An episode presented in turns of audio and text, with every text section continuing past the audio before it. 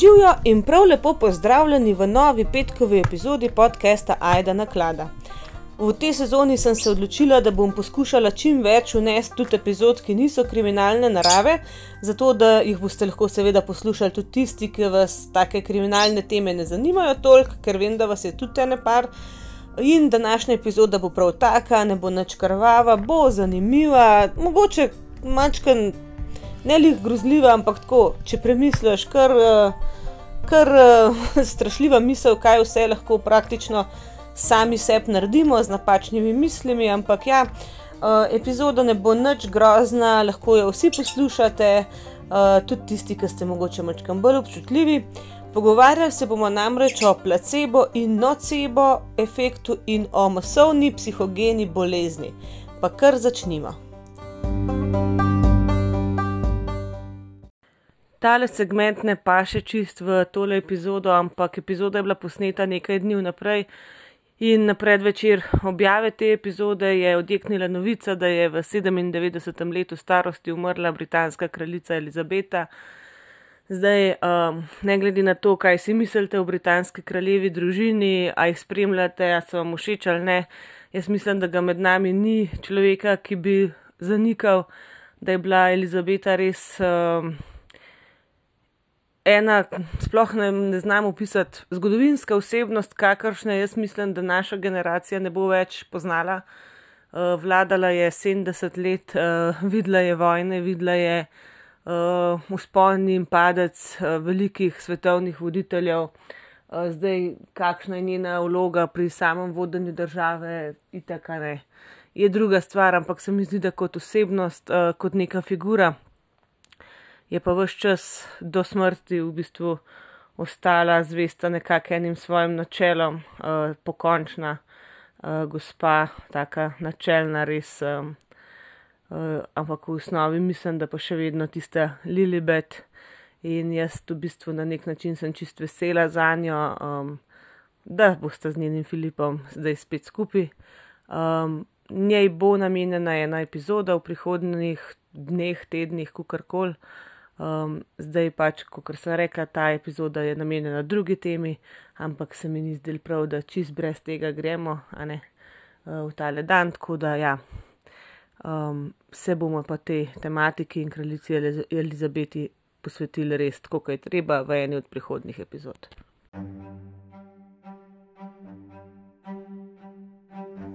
No, za placebo efekt ste zagotovo že vsi slišali.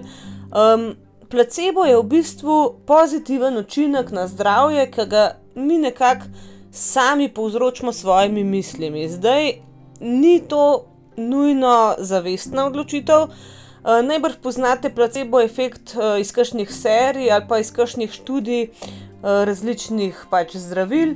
Naprimer, um, kaj jaz vem, v kakšnih serijah je to bilo tako predstavljeno, jaz dvomim, da je v resnici sicer tako, ampak za primer, da je pa čisto uporabno, v glavnem, naprimer, uh, bolnik ima neke simptome, naprimer, boli ga trebuh.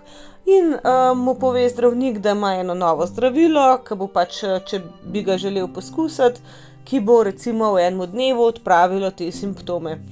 In recimo zdravnik da bolniku samo eno tabletko sladkorja ali pa pač ničesar, bombonček praktično. In bolnik, recimo, bolniku se stanje izboljša, ne glede na to, da ni dobil v bistvu nobenega zdravila. Temu se reče placebo efekt. E, bolnik je to verjel, da je dobil neko zdravilo, da je avtomatsko to zdravilo, čeprav to ni bilo, njemu pomagalo. To zagotovo obstaja, kajti e, z našimi mislimi lahko kar velik procesov v telesu kontroliramo. Uh, recimo, tudi uh, jaz se včasih poslužujem tega placebo učinka na način, recimo, ko smo bili v šoli v naravi, uh, pa so zvečer otroci težko zaspali ali pa niso hoteli spati, ali pa so pogrešali starše in jaz sem imela vedno s sabo en tak. Uh, pilov sprej, a ne uh, pač ta sprej za, za polštre, da lažje zaspiš, zvonjem silke. In sem zmer zvečer otrokom rekla, jaz imam pa sabo en čaroben sprej, in ko ga bom pošpricala, boste vsi takoj zaspali. To sem se zmer še malo pohecala, da sem en čarovnik, pošpricala ti sprej. Ampak otroci recimo so verjeli, da je to res nekaj čudežnega, ki pomaga pri spanju, in meni se zdi, da vsaj pri nekaterih je to dejansko pomagalo. Tako da placebo efekt imajo tudi kakšne druge stvari, ne nujno čisto fizične narave, razne terapije, ki niso čisto konvencionalne, kakšne energetske zadeve, ki ne rečem, ne rečem, da ne, da ne delujejo, ampak meni se zdi, da včasih deluje že to, da ti verjameš, da ti bo nekaj pomagalo, in na koncu koncev je čisto vseeno, kako do tam prideš, če se tebi stanje izboljša, je pač stvar imela svoj namen. Zato tudi sem jaz ena od tistih, ki recimo mi kdaj kakšen starš zaupa, joj, mi smo pa še to pa to probali in podobno. Ne? Um, ne se mi smejati, ker pač ni lih to neka konvencionalna terapija.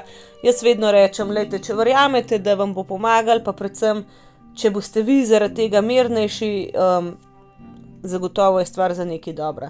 Tako da placebo efekt je vsekakor neka pozitivna stvar, ima neko pozitivno konotacijo, Eh, mnogi pa ne vedo, da obstaja pa tudi nocebo efekt, in nocebo efekt je pa v bistvu ravno nasprotno. Se pravi, ko si mi s tem slabimi mislimi povzročimo neke zdravstvene težave ali pa poslabšamo zdravstveno stanje.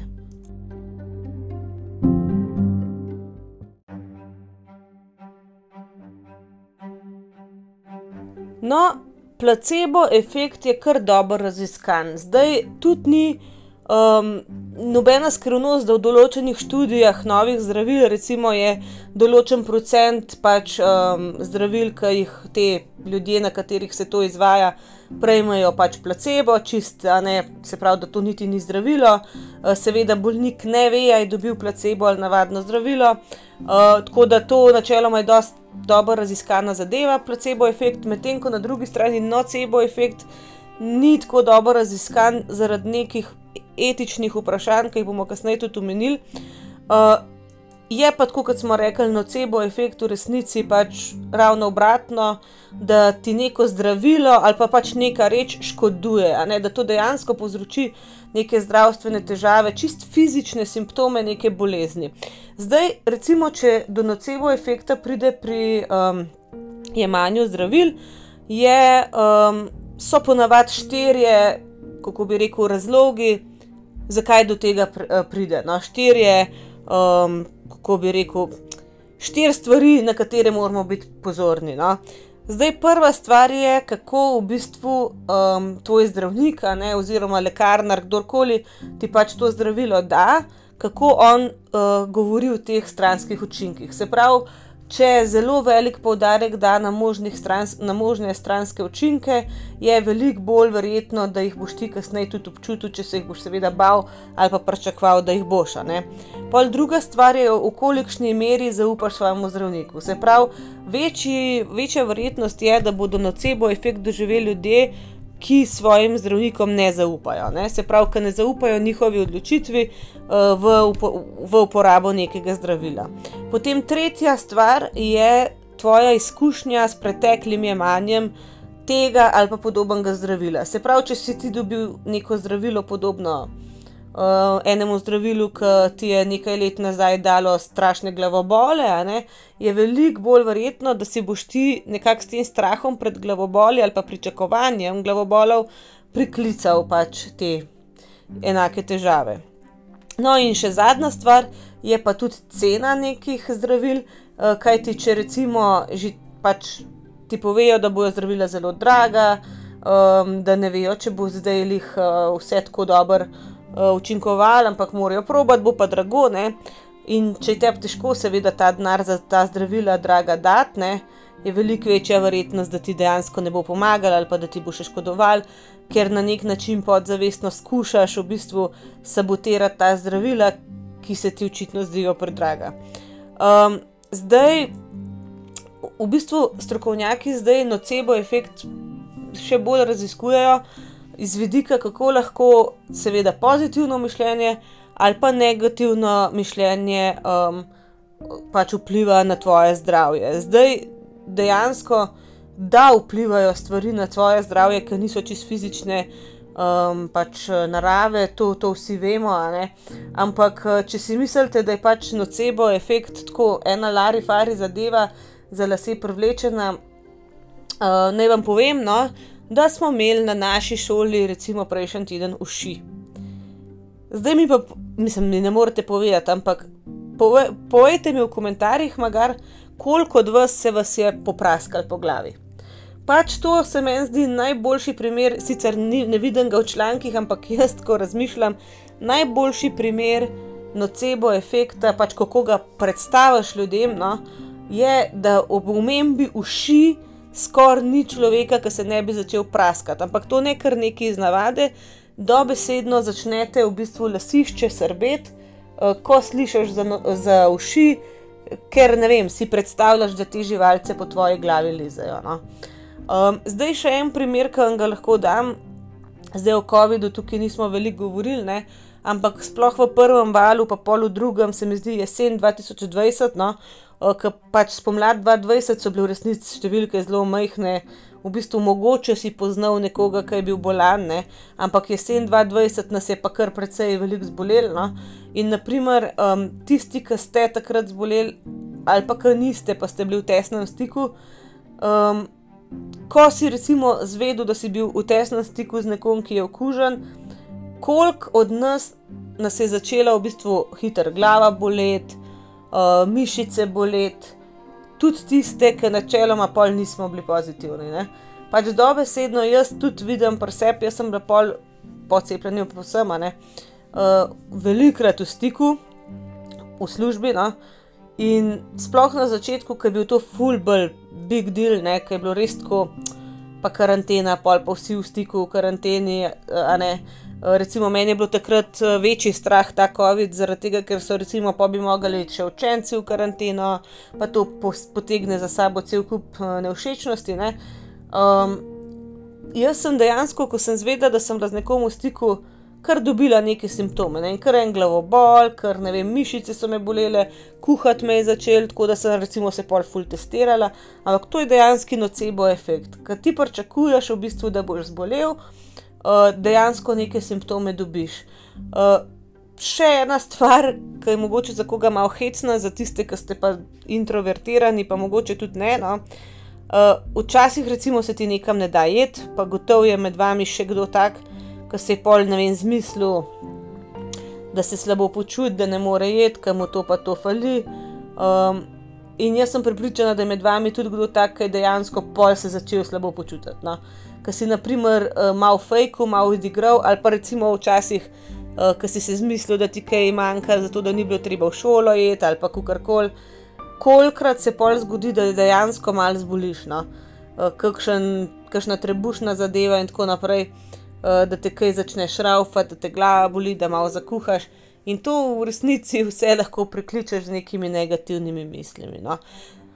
Tako da, ja, ne, veliko bolezni, se tudi poznate ljudi, naprimer, ki so kar naprej bolniki in vedno neki fali.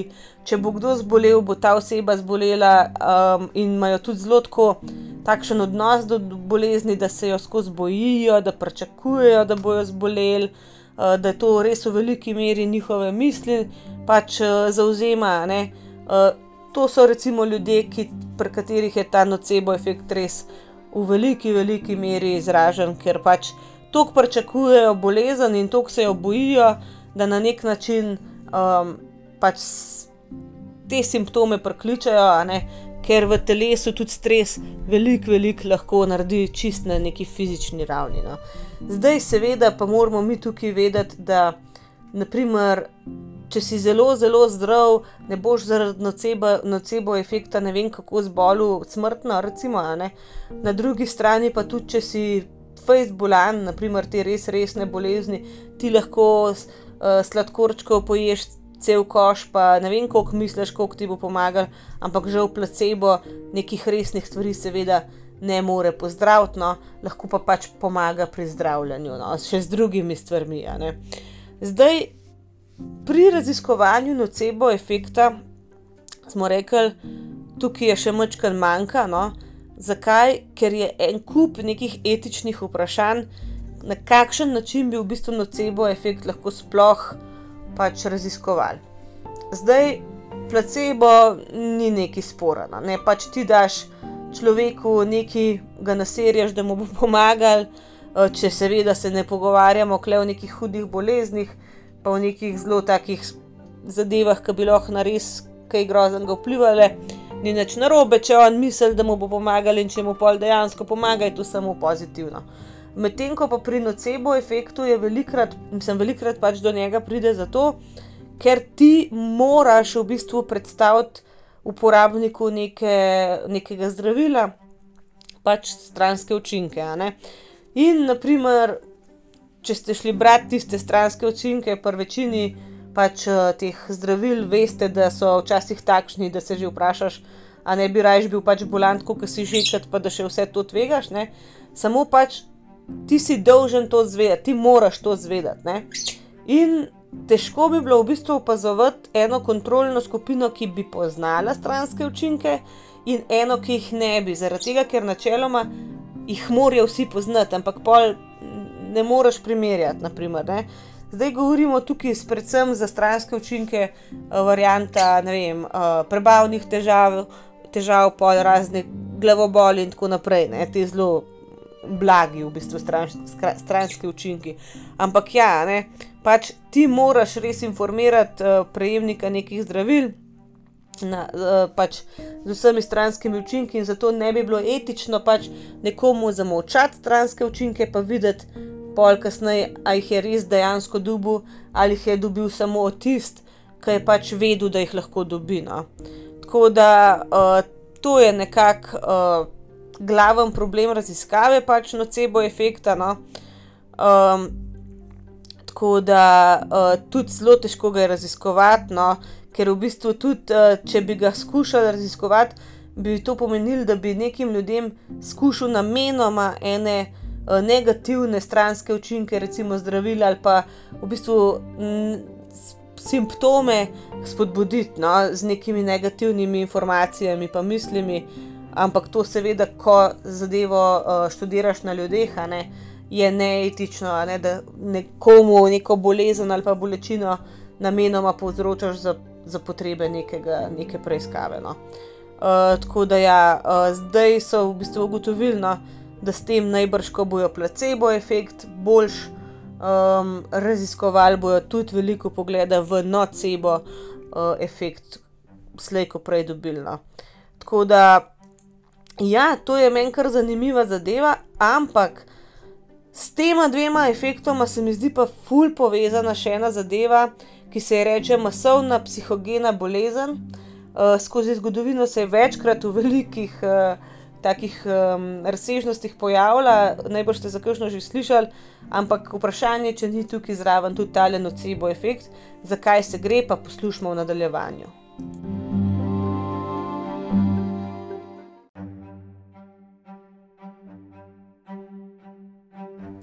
No, masovna psihogena bolezen je bila skozi zgodovino poimenovana tudi recimo um, masovna psihogena motnja ali pa epidemična histerija ali pa masovna histerija. No? In v bistvu pomeni nekakšno širitev enih simptomov uh, prek populacije, ne, brez da bi bil um, vmes nek, kako bi človek to rekel, nek virus, neka bakterija, pač nek agent, ki bi te simptome na nek čist fizičen način prenašal. Se pravi, tukaj ni nekih virusov, bakterij, česar koli, uh, nič fizičnega, kar bi to bolezen prenašali in pač naj bi se bolezen prenašala. Eh, prek um, nekih vzorcev, prek žilčnega sistema. V bistvu bolezen nima nekega organskega izvora, ampak ima izvor v žilčnem sistemu. Se pa prenaša med ljudmi uh, lahko zelo hitro. Tako da to je bolj tako, kot če bi rekel, da recimo. COVID se je pač tako, kot se je prenašal, ampak da v bistvu tega virusa v resnici ne bi bilo. Ne, da bi lahko mi v kolektivu vsi zboleli za COVID-om, brez da bi kdorkoli, komorkoli, kakršen koli virus dal. pač samo vsi bi kar naenkrat imeli iste, uh, iste simptome. Zdaj um, pravijo, no, da je v bistvu ta masovna psihogena bolezen uh, drugačna od recimo nekih kolektivnih, kako je delužena, kako se to po slovensko reče, um, zablot ali pa napačnih uh, predstav ali pa zaznav. No? Uh, od tega se recimo ločuje potem, da ima dejanske uh, fizične simptome. A ne, ker recimo teh skupinskih nekih, uh, z, sploh ne vem, kako bi delužen prevedla, no? ampak teh nekakšnih masovnih zablot, masovnih nekih teh težav je velikrat, predvsej, vse vemo, sploh kakšnih psiholoških, pa razne teorije zarod, ki se širijo, pa potem um, so ljudje s tem čez obsedeni. Tukaj ni neki tacga, ni neki tacga, da bi nekdo imel eno idejo, ki bi se razširila in bi ljudje bi bili zaradi tega čist plesavi. Uh, dejansko je tukaj neka skupinska zadeva, ki je psihološke narave, ampak ima dejanske fizične simptome. Potem se v bistvu masovna psihogena bolezen um, razlikuje od ostalih teh masovnih zadev. Kakšni so pa ponavadi simptomi, se najbolj sprašujete? Um, zdaj, to so vedno simptomi, ki nimajo nobenih razložljivih. Uh, Organskih izvorov. Se pravi, če ti pregledaš telo, v telesu ni nobene razlage za pač ta simptom, ki se na človeku opazi. Um, zdaj, seveda, uh, simptomi so vsi prehodne narave, pač benigni, ne? v smislu, ne more biti nekaj smrtnega, uh, bo prešlo slejko prej. Um, pač simptomi vedno pridejo in grejo zelo hitro, ni zdaj potrebno neko zelo dolgo zdravljenje. No? Uh, pojavijo, pojavijo se v neki načeloma zaprti skupini, ločeni skupini, uh, ob tem je prisotna tudi neka precejšnja uh, tesnoba. No? Um, pač uh, simptomi se nekako širijo preko uh, vidnega zaznavanja ali pa komunikacije, se pravi, nekoga vidiš, da ima isti simptom, izveš, da ima isti simptom.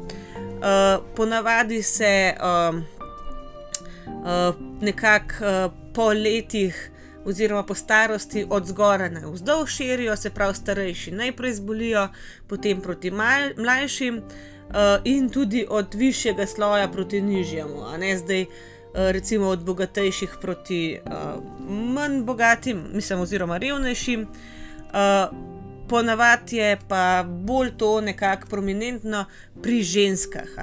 Pač večkrat je pri ženskah, oziroma v ženskah skupinah, bilo to uh, pač, um, opazno. Kar se pa čist fizičnih simptomov tiče, največkrat, recimo v kar v 67%, je, uh, so ljudje pač poročali o glavobolu, potem pa kasneje uh, o nekakšni vrtoglavici, uh, o slabosti bolečinah ali pa krčih v trebuhu, kašljanje, um, pol, uh, taka, da si šloh, no, tako šipko zelo, no, potem da te boli grlo, hiperventiliranje oziroma težave z dihanjem, pol uh, pekoče oči, ne, da, oči pa, da se ti souzijo oči, uh, bolečina v prsnem košu.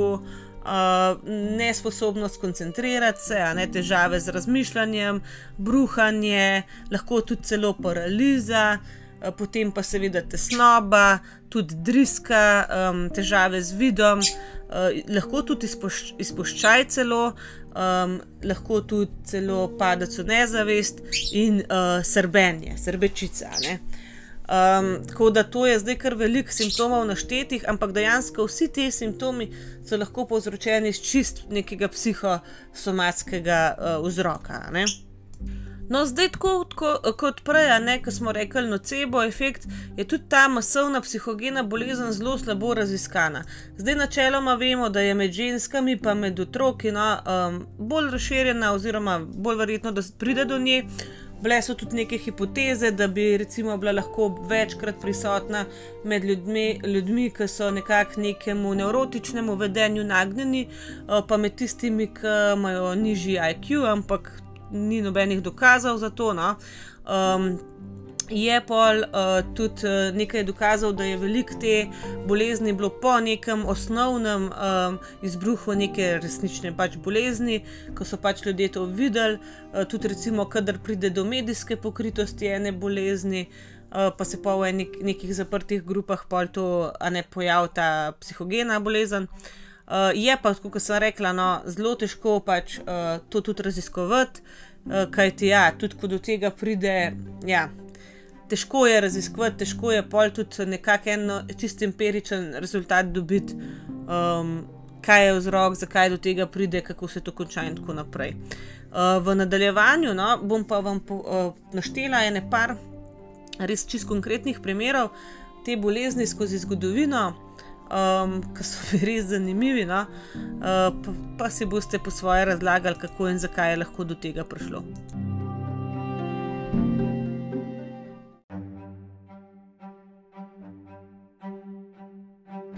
Prve študije masovne psihogene bolezni segajo, ne boste verjeli, že v srednji vek. Takrat je naj, namreč prišlo do izbruha kar nekaj uh, plesnih mani, srednjeveških, to se vam najbrž sliši kot neke žurke, ampak dejansko, uh, rekel sem je tudi, recimo, ena od njih je um, ples svetega Janeza in uh, Tarantizem. Uh, to pač ta slednja zadeva naj bi bila povzročena strani ugriza neke tarantele, zakaj, zakaj pa v resnici gre. No? Pač ljudje so začeli v nekih večjih skupinah plesati, pač dejansko so začeli plesati. In uh, so verjeli, ali pa pač takrat je tako bilo, da je to pač neka bolezen, ki se jo lahko nalezaš, in je vse več in več ljudi plesali, ampak to plesali do te mere, da se niso mogli ustaviti.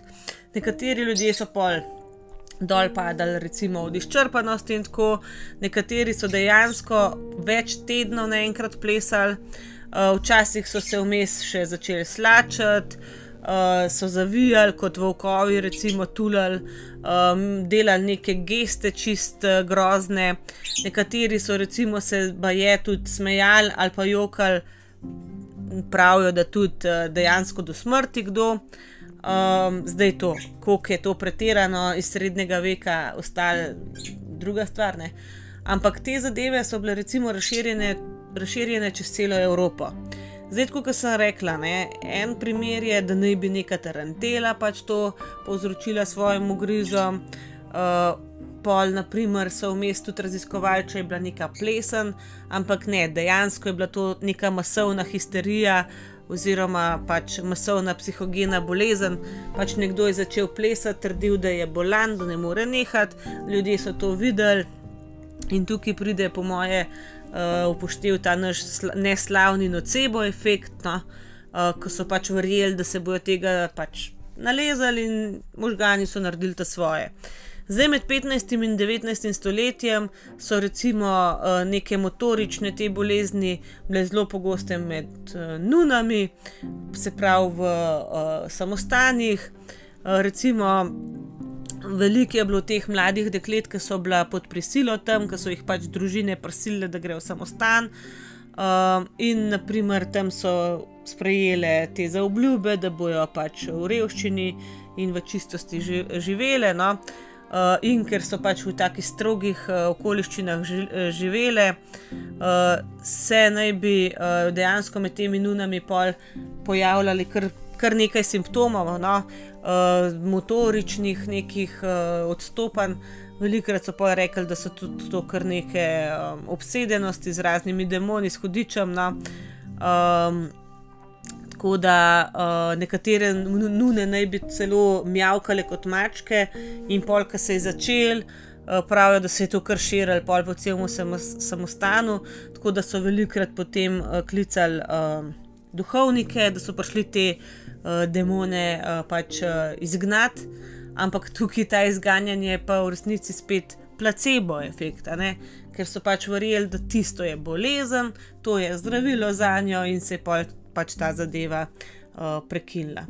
Od 18. do 21. stoletja, uh, nekako po industrijski revoluciji v Angliji, Franciji, Nemčiji, Italiji in Rusiji, pa tudi v ZDA, pa v Singapurju, recimo, ne, uh, so dejansko veliko teh uh, izbruhov masovne psihogene bolezni opazili v različnih tovarnah. Um, dejansko so v Singapurju, uh, ministrstvo za delo je naročilo no, uh, študijo primerov šestih izbruhov te bolezni v singapurskih uh, tovarnah med leti 1973 in 1978. Uh, dejansko naj bi uh, delavci dobivali histerične napade, kot neke epileptične napade, med katerimi so se drli, uh, bili nasilni, uh, in dejansko naj bi bili tudi te uh, razni sedativi, a ne uh, pomirjevala, povsem neučinkoviti, potem so padali v neke, uh, v neka obdobja transa, čista, ne, ko, ko je v bistvu uh, delavec govoril, da, uh, da bi bil obseden z nekim duhom. Uh, in tretja varianta je pa bila, uh, da so bili dejansko čist prestrašeni, da so delavci poročali od enega čist um, nekako nerazložljivega strahu. No? uh, da jih je bilo strah, da jih je zebel, da, so, da se jim je vrtel. Uh, in to je bil recimo izbruh, ki je skoraj celo tovarno zajel, ampak potem recimo v enem, v enem tednu čisti zvenel. Uh, zdaj, velikrat je bil poklican nek bo bomo, oziroma um, nekakšen zdravilec v tistih krajih, ki naj bi nek čist ritual um, izganjanja hudiča izvedel. Eh, ampak ta tehnika večinoma ni bila pač eh, uspešna. Uh, dejansko je velikrat še pospešila pač ta izbruh te bolezni oziroma tega vedenja. Uh, tako da, ja, no, uh, to so pač uh, želeli nekako uh, raziskati. No. Zdaj,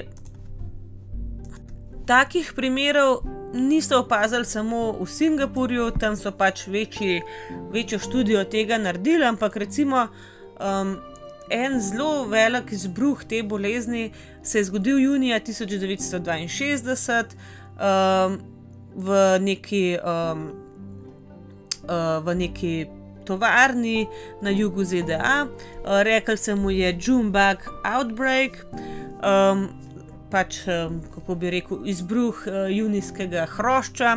V glavnem, uh, v, teh, v tej tovarni no, so pač delavci um, občutili res grozno, uh, pač grozen, uh, jim je bilo slabo, grozno slabost. No. Uh, imeli so dejansko izpuščaje na koži. Uh, večina tega, teh izbruhov se je zgodila med prvo izmeno, uh, štiri petine delavcev, med to prvo izmeno je bilo ženskega spola. No? Uh, in tudi kasneje, od 62 primerov tega pač izbruha, ne, te bolezni, je bilo kar 59 uh, eh, pač pacijentov ženskega spola, samo tri moški. No? In dejansko so te ljudje mislili. Um, da jih je pač, so jih pogrizle neke uh, žuželke, ki so prišle uh, skupaj z, nekim, uh, z neko novo pošiljko enega blaga. Um, poklicali so razne etomologe, um, druge strokovnjake, dejansko so pač preiskali čisto vse, uh, da bi pač ta patogen najdel zadevo, pač, ki je uh, njim to bolezen povzročila, ampak čist nič niso najdel. Uh, tako da na koncu no, so na nek način pač uh, upravili razgovore s vsemi temi delavkami, predvsem in delavci. Uh, uh, in so zadeve strnili v tri ugotovitve. Um, prva značilnost vseh, se pravi, ki so zboleli, je bila, uh, da so pač ti ljudje bili zelo, zelo utrujeni in zelo iztrošeni. To so bili večinoma delavci, ki so delali nadure, um, ki so pač uh, res uh, delali, kar so lahko, in tudi dejansko um, doprinesli k svojemu gospodinstvu, ve, gospodinstvu večino denarja. Večina njih eh, je bila poročena z otroki. Se pravi, to so bili delavci, ki so imeli na sebi eno grozno, nekako en grozen breme s tem, da so skušali čim več delati, čim več zaslužiti, da bi pač lahko um, preživeli svojo družino. Um, druga stvar je, da so pač vse te osebe, ki so zbolele v narekovajih, zanikale nekakšne težave, ki so jih imeli. Jih imele, se pravi, recimo, če so jim predlagali, a so doma kakšne težave, a ste mogoče utrujeni, a ste preobremenjeni, so vsi ti ljudje rekli: Ne, ni res, jaz sem pač sam neki zbolel. Ne? In um, tretja stvar je pa bila, da so bili v bistvu rezultati vseh teh preiskav čist konsistentni z neko uh, socialno okužbo. Se pravi, okužba med nekimi ljudmi, ki imajo zelo močne socialne vezi. Se pravi, brez patogena, brez neke bakterije, virusa, česar koli, se eni simptomi razširijo med ljudmi, ki so med sabo zelo, zelo povezani. No? Um, zdaj, bolj se je recimo širila vest o tej neki žuželki, ki naj bi prišla, pa jih okužila s to boleznijo, več je bilo dejansko. Um, izbruhov te bolezni, več primerov te bolezni. No? In tudi potem, ko se je to v uh, časopise dal, se je to še vedno širilo. No? Tako da ja, uh, pola, ne pa se je pa to počasi uh, umirilo v tej tovarni. Še ena druga. Um, Je bila, še en drug primer je bil tudi v enem centru za podatke no, v, na Univerzi uh, United States Midwest leta 1974, kar 10 od 39 zaposlenih so začeli pač vohati nek um, čist nedokazan in skrivnosten uh, plin. Dejansko so jih odpeljali v bolnišnico, ker, so, ker se jim je vrtel, ker so skupaj padali, bili so pač uh, bruhali, so slabo jim je bilo. Uh, večina teh od teh desetih so bile mlade ženske, uh, ki so s tem delom v bistvu pomagale financirati. Uh, uh, študij svojega partnerja, ali pa so dejansko tudi skrbele s tem dohodkom za svoje družine. No? In um, dejansko so tudi ugotovili, da vse te delavke, ki so zbolele, so bile zelo nezadovoljne na no, svojo službo uh, in so bile tudi med sabo uh, zelo povezane, te, ne, ki so nek ta plin vohale, ne glede na to. Um, da pač dejansko nič niso najdel nobenega, uh, nobenega plina, ne v zraku, ne v njihovih organizmih, pač dejansko ni bilo nobenega organskega vzroka, a ne za, um, za to njihovo bolezen. No, če vidite, ne, se to načeloma vedno dogaja v nekih zaprtih prostorih, ok, v srednjem veku so bile tako mesta tako manjša, ampak pa smo rekli, samostani, tovarne in seveda zdaj, kam gremo zdaj, lahko tudi v šole, seveda, ne, tudi v šolah se to lahko zgodi in da ne bomo vse čas samo nekam v Ameriko se selili, dejansko na Kosovo od marca do junija 1990. Uh, je se širila neka bolezen, ki samo Albance, a ne pač etnično skupino Albancev, uh, je napadala, večino mlade, pač adolescente, mlade pubertetnike. No? Um, pojavila se je kar široka, mislim, kar širok spekter simptomov, recimo glavobol, uh, vrtoglavica, potem uh, težave z dihanjem, veliko neke šibkosti. Pekoč občutek, um, krči, uh, bolečine v prsnem košu, uh, suha usta, pol slabost. No, in um, pač ta bolezen se je, kot smo rekli, tri mesece se je širila. Uh, pač veliko ljudi, pač na tisoče ljudi je za to boleznijo zbolelo. Um, ampak ja, na koncu v bistvu so kaj je bilo v izvidih, um, da je bila to dejansko psihogena bolezen. No. Um, t, pač nek Radovanovič, ne iz enega uh, odbora za pač, uh, javno zdravje no, in tudi uh, vedenske znanosti, nekako, no, uh, je povedal, no, um, da pač v bistvu izvid ni nobenega. Noben ni bil z njim zadovoljen, ne, ne Albanci, ne pač Srbi, ne, dejansko so Albanci mislili, uh, da je to epidemija, ki je povzročila neko zastrupljanje pač njihove etnične skupine. Uh, zdaj pač um, Srbi uh, so zanikali, seveda, to in so hoteli uh, jim dopovedati, da je to čist neka psihopatija in da, uh, da v bistvu so oni.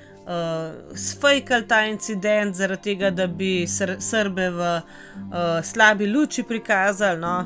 Uh, ampak ja, dejansko so potem dokazali, da je bilo čist neka psihogena bolezen, to, uh, da se dejansko na ta način širilo. No? Um, potem je pa recimo samo še uh, ena stvar, ki bomo omenila, uh, tanga Tanganika, uh, epidemija uh, smeha v Tanganiki. Uh, to je bilo pač uh, v Tanzaniji leta 1962. Uh, dejansko so, so se pojavljali napadi smeha, uh, najprej v eni, uh, v eni vasi, uh, potem se je razširil po celotni Tanzaniji, 14 različnih šol je napadla ta epidemija smeha in prek tisoč ljudi. Ampak ja, tudi to ni imelo nobenega organskega izvoza in je bila čist psihogena bolezen. No. Um, zdaj, kaj je pri vseh teh stvarih zelo, zelo, zelo pomembno, da, um, da pač uh, nikoli ni nobenega fizičnega razloga, vsi testi, vsi izvidi so vedno pač uh, čist uh, jasni, da ni razloga, da se to dogaja, pač da je dejansko to čist nekak psihološkega um, izvora. No.